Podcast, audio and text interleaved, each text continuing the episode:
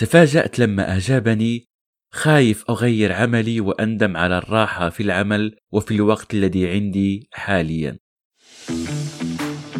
أهلا بك. أنت الآن تستمع لبودكاست ابدأ صح. طريقك من الوظيفة للثراء تقديم ياسين حيوي لايف كوتش معتمد ومختص في مجال المال الاستثمار وريادة الأعمال.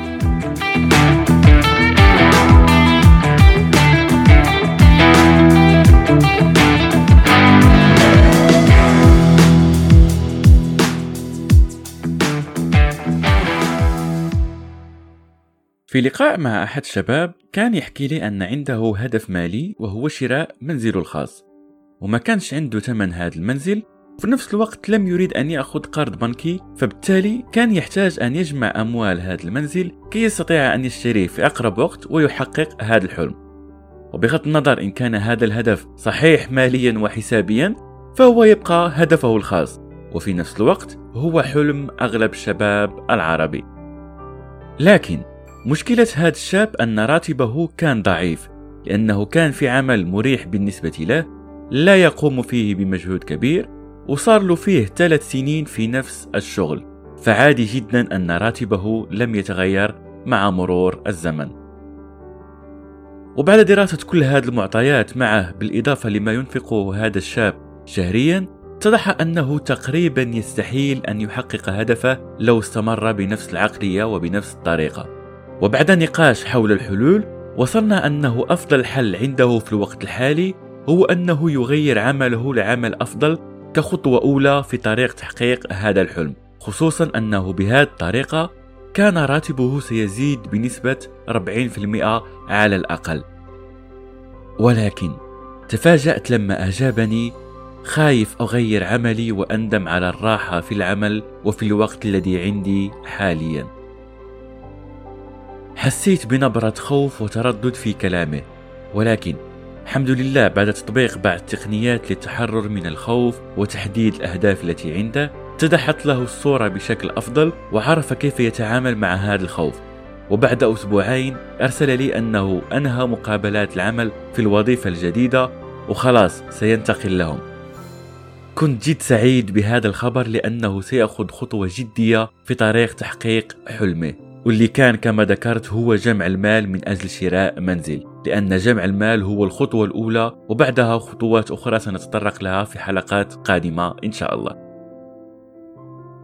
أنا شبه متأكد أن قصة هذا الشاب ستلامس العديد من الموظفين والأشخاص اللي عندهم نفس الفكرة أو على الأقل ستكون قد سمعت عن شخص يبحث عن زيادة دخله لتحقيق هدف معين ولا يعرف كيف صح؟ أو كما تكلمنا في الحلقة السابقة من بودكاست ابدأ صح عن الديون وكيفية التخلص منها ذكرت لك أنه واحد من الحلول المالية للتخلص من الدين هو زيادة الدخل فاكر؟ لو لم تتابع هذه الحلقة فأدعوك من كل قلبي أن تستمع لها الآن فيها تفاصيل وقصص ملهمة ستغير نظرتك عن الديون وتعامل مع المال وستغير حياتك للأبد والآن خلينا ندخل في التفاصيل لأشرح لك العديد من طرق زيادة الدخل وكيف يمكنك أن تطبقها أنت أيضا في حياتك. مستعد ولا لا؟ أعتقد على أنك مستعد. أوكي. فقبل التكلم عن زيادة الدخل خلينا نتكلم شوية عن موضوع له علاقة وطيدة بهذا الموضوع وهو كيف يتم تحديد الرواتب. أغلب الموظفين تجدهم يشتكون من قلة الراتب وأنه لا يكفي لا يتوافق مع العمل الذي يقومون به وإلى غيرها إلى غيرها. وحسب الدراسات فنسبة كبيرة جدا يطالبون المدير ولا صاحب الشغل بزيادة الراتب ويرون أن هذا حقهم. فهل هذا فعلا أمر صحيح؟ دعني أذكرك أولا بقاعدة مهمة تكلمت عنها العديد من المرات وسأكررها لبقية حياتي. وهي أن حياتك ما هي إلا صورة للقناعات والأفكار التي عندك بالتالي لو أردت حياة جديدة فأنت مطالب وأنت مطالبة بالتخلي عن أفكارك القديمة ثم تبني أفكار جديدة أوكي؟ لماذا أقول هذا؟ لأن الفكرة التي سأشارك معك الآن أنا متأكد أن عقلك لن يتقبلها في الأول لأنها أولا عكس ما تربيت عليه وعكس ما هو منتشر في المجتمع فما هي هذه الفكرة؟ ببساطة كبيرة جدا أنت تحصل على دخل وفق ما تقدمه من قيمة في عملك وقبل أن تقول لي لا لا أنا أقدم خدمة كبيرة وفلان يقوم بمجهود كبير ولكن لا يحصل على زيادة ودخله ضعيف و و و و كل الحجج وكل الأفكار التي تظهر لك الآن فقط خذ نفس عميق تذكر القاعدة التي شاركت معك وعلى أن حياتك هي صورة القناعات التي عندك Okay؟ أخذت النفس العميق. هيا نكمل. كل الأفكار التي تدور في عقلك الآن هي أفكار صحيحة ومنطقية كذلك. لكن هذه الأفكار هي صحيحة من وجهة نظرك أنت وليس من منظور صاحب العمل. فبالنسبة لصاحب أي business أو شركة ولا حتى في العمل الحكومي فالرواتب توزع بحيث تضمن أعلى ربح لهم وفي نفس الوقت تعطي أفضل قيمة للموظفين. لكن لو أنت شخص تقدم قيمة عادية في عملك أو ممكن لأي شخص أن يحل مكانك لو غادرت أو لو وقع لك لا قدر الله مشكل فكن على يقين أن دخلك سيظل للأبد دخل عادي. حتى لو كنت تقوم بجهد كبير وحتى لو كنت حاصل على أفضل الشهادات طالما عملك لا يقدم قيمة كبيرة ولا حصرية فستحصل على الراتب الذي يراه صاحب العمل مناسب لك. أو الراتب المتعارف عليه في السوق. والدليل خذ مثلا مصنع للملابس. أقل الأشخاص حصولا على دخل في هذا المصنع ولا هذا المعمل هم العمال في المصنع مع العلم على أنهم هم الذين يقومون بجهد أكبر وظروف عملهم قاسية أكثر. في حين تجد مثلا مدير التسويق جالس في مكتبه المجهز بآخر التجهيزات ويحصل على أفضل دخل ولا أفضل راتب. لماذا في نظرك؟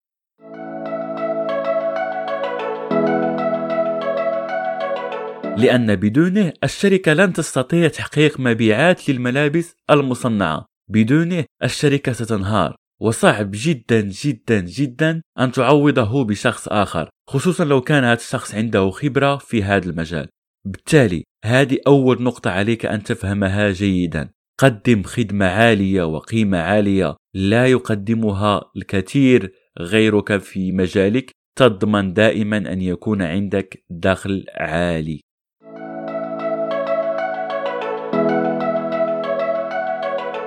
ولكن يا ياسين أنا ليس لي خبرة ولا معلومات فكيف يمكن أن أقدم هذه القيمة العالية؟ ماذا أستطيع أن أفعل؟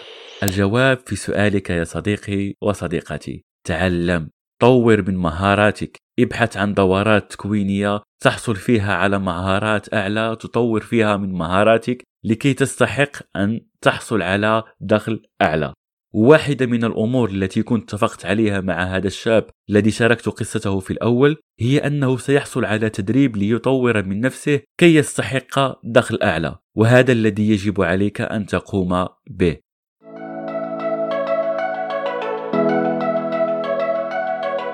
وهنا يعني دعني أعود قليلا لقصة هذا الشاب. آه لأخبرك لماذا لا زلت تسأل هذا السؤال وتقول أنك لا تستطيع تقديم قيمة عالية.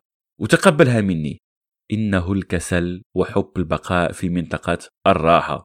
وممكن هذا الأمر يعني لا يعجب الكثير من الناس ولكن هذه الحقيقة من دون لا تجميل في الكلام ولا نفاق عليك. هذه هي الحقيقة التي لا يتقبلها أغلب الناس. وشخصيا يعني لا أفهم صراحة عقلية الموظف الذي يريد دائما دخل عالي بدون القيام بأي مجهود إضافي. وللأسف ما هكذا تعمل الحياة؟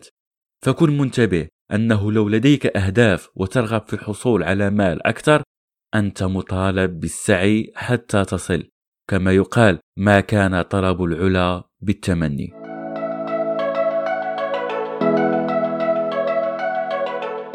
الحل الثاني لزيادة الدخل هو أن تبحث عن عمل جديد. فلو كنت مقتنع ولا مقتنعة أن ما تحصلون عليه الآن غير كافي كدخل وأن ممكن تحصل على دخل أعلى في مكان آخر فبالله عليك دعني أسألك ما الذي تنتظره في نفس العمل؟ أتنتظر يعني أن يأتيك المال وأنت جالس في نفس العمل؟ وهذا يعني يذكرني بأحد الزملاء السابقين وكنت أعرفهم يعني معرفة شخصية هذا الشخص آه، استمر في العمل أكثر من خمس سنوات هو هو يعيد نفس الأمر ينتظر حصوله على زيادة في الدخل. كل مرة يطالب بها الشركة والشركة يعني ولا المسؤولين لا يرغبون في إعطائه هذه المطالب لأنه لم يكن يعطيهم قيمة تستحق المبلغ الذي كان يطالب به. وبدل أن يبحث في مكان آخر اختار القرار السهل. اختار قرار استمراره في عمل لا يحبه على أمل أن يرقوه مستقبلا. وفي نفس الوقت الإدارة ظلت تبحث عن طرده وأصبحوا يعني كتوم أند جيري لكن لم يجدوا له حجة قانونية لطرده من الشركة واستمر الوضع هكذا لسنوات إلى غاية ما نفذ صبرهم قاموا بطرده وذهبت القضية بعدها للمحاكم ولكن لماذا كل هذا الضغط النفسي؟ لماذا كل هذه المشاكل المترتبة عن أخذك هذا القرار؟ لذلك لو كنت قادر على الحصول على دخل أفضل في مكان تاني ولا مدينة تانية ولا حتى بلد آخر خذ بالأسباب وتوكل على الله. لا تنتظر من الشركة أو مديرك أن يستجيب لطلبك. كما ذكرت لك العقلية التي تفكر بها أنت كموظف ليست هي نفس العقلية التي يفكر بها صاحب الشركة. وك hint ولا كإضافة في هذا الموضوع عندما تحصل على دخل أفضل في مكان تاني ولا في شركة تانية عندها يعني يكون عندك شيء ممكن أن تقايض ولا تعمل negotiate يعني به مع الشركة التي أنت فيها الآن على أنه okay أنا أطلب بدخل كذا الشركة الفلانية ولا شركة أخرى أعطتني دخل كذا؟ فلو كنت يعني تشوفون على أنه بقائي معكم فيه إفادة للشركة فعادي على أنك تضيفون لي ال salary ولا تضيفون لي من الدخل اللي عندي لكي أبقى معكم. فيكون عندك شيء ممكن تساوم عليه عكس على أنك تبقى مكانك وتنتظر أن يأتي لك الفرج. ابحث أنت أولا وبعدها الله سبحانه وتعالى سيعطيك حلول في حياتك.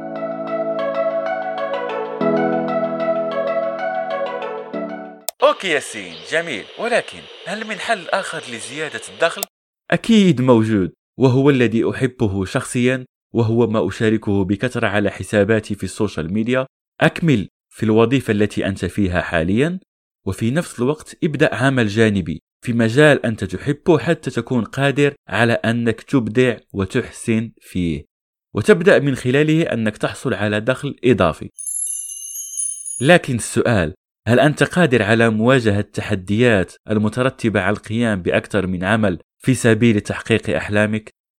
قد يبدو السؤال سهل والجواب بنعم سهل أيضا لكن على أرض الواقع فقط قليل من الناس هم من عندهم القدرة على تحدي هذه التحديات والصعاب التي تواجههم في طريق تحقيق ما يطمحون له وهذا هو الذي يفسر على أنه الأشخاص اللي فعلا يحققون أحلامهم هم أشخاص قلة. ليس لأن الأمر مستحيل لا لكن لأن الأمر يتطلب جهد أكثر. فلو كنت فعلا جاد لتحقيق أهدافك المالية وترغب فعلا في تغيير حياتك أنا متأكد على أنك ستقوم بكل ما يلزمك لتحقيق هذا الهدف. وأولها أن تخرج من منطقة راحتك وتبدأ العمل والتعلم عن شيء أنت تحبه وتريد أن تتخصص فيه. وهذا هو الذي سنتطرق له بالضبط في موضوع حلقتنا الأسبوع المقبل بإذن الله من بودكاست ابدأ صح. إن كنت مهتم لتعرف أكثر أدعوك للاشتراك في القناة ومشاركة هذه الحلقة مع أصدقائك. وإلى أن ألقاك على خير الأسبوع القادم بإذن الله لا تنسى شعارنا الدائم. ابدأ صح. تنجح صح. سلام.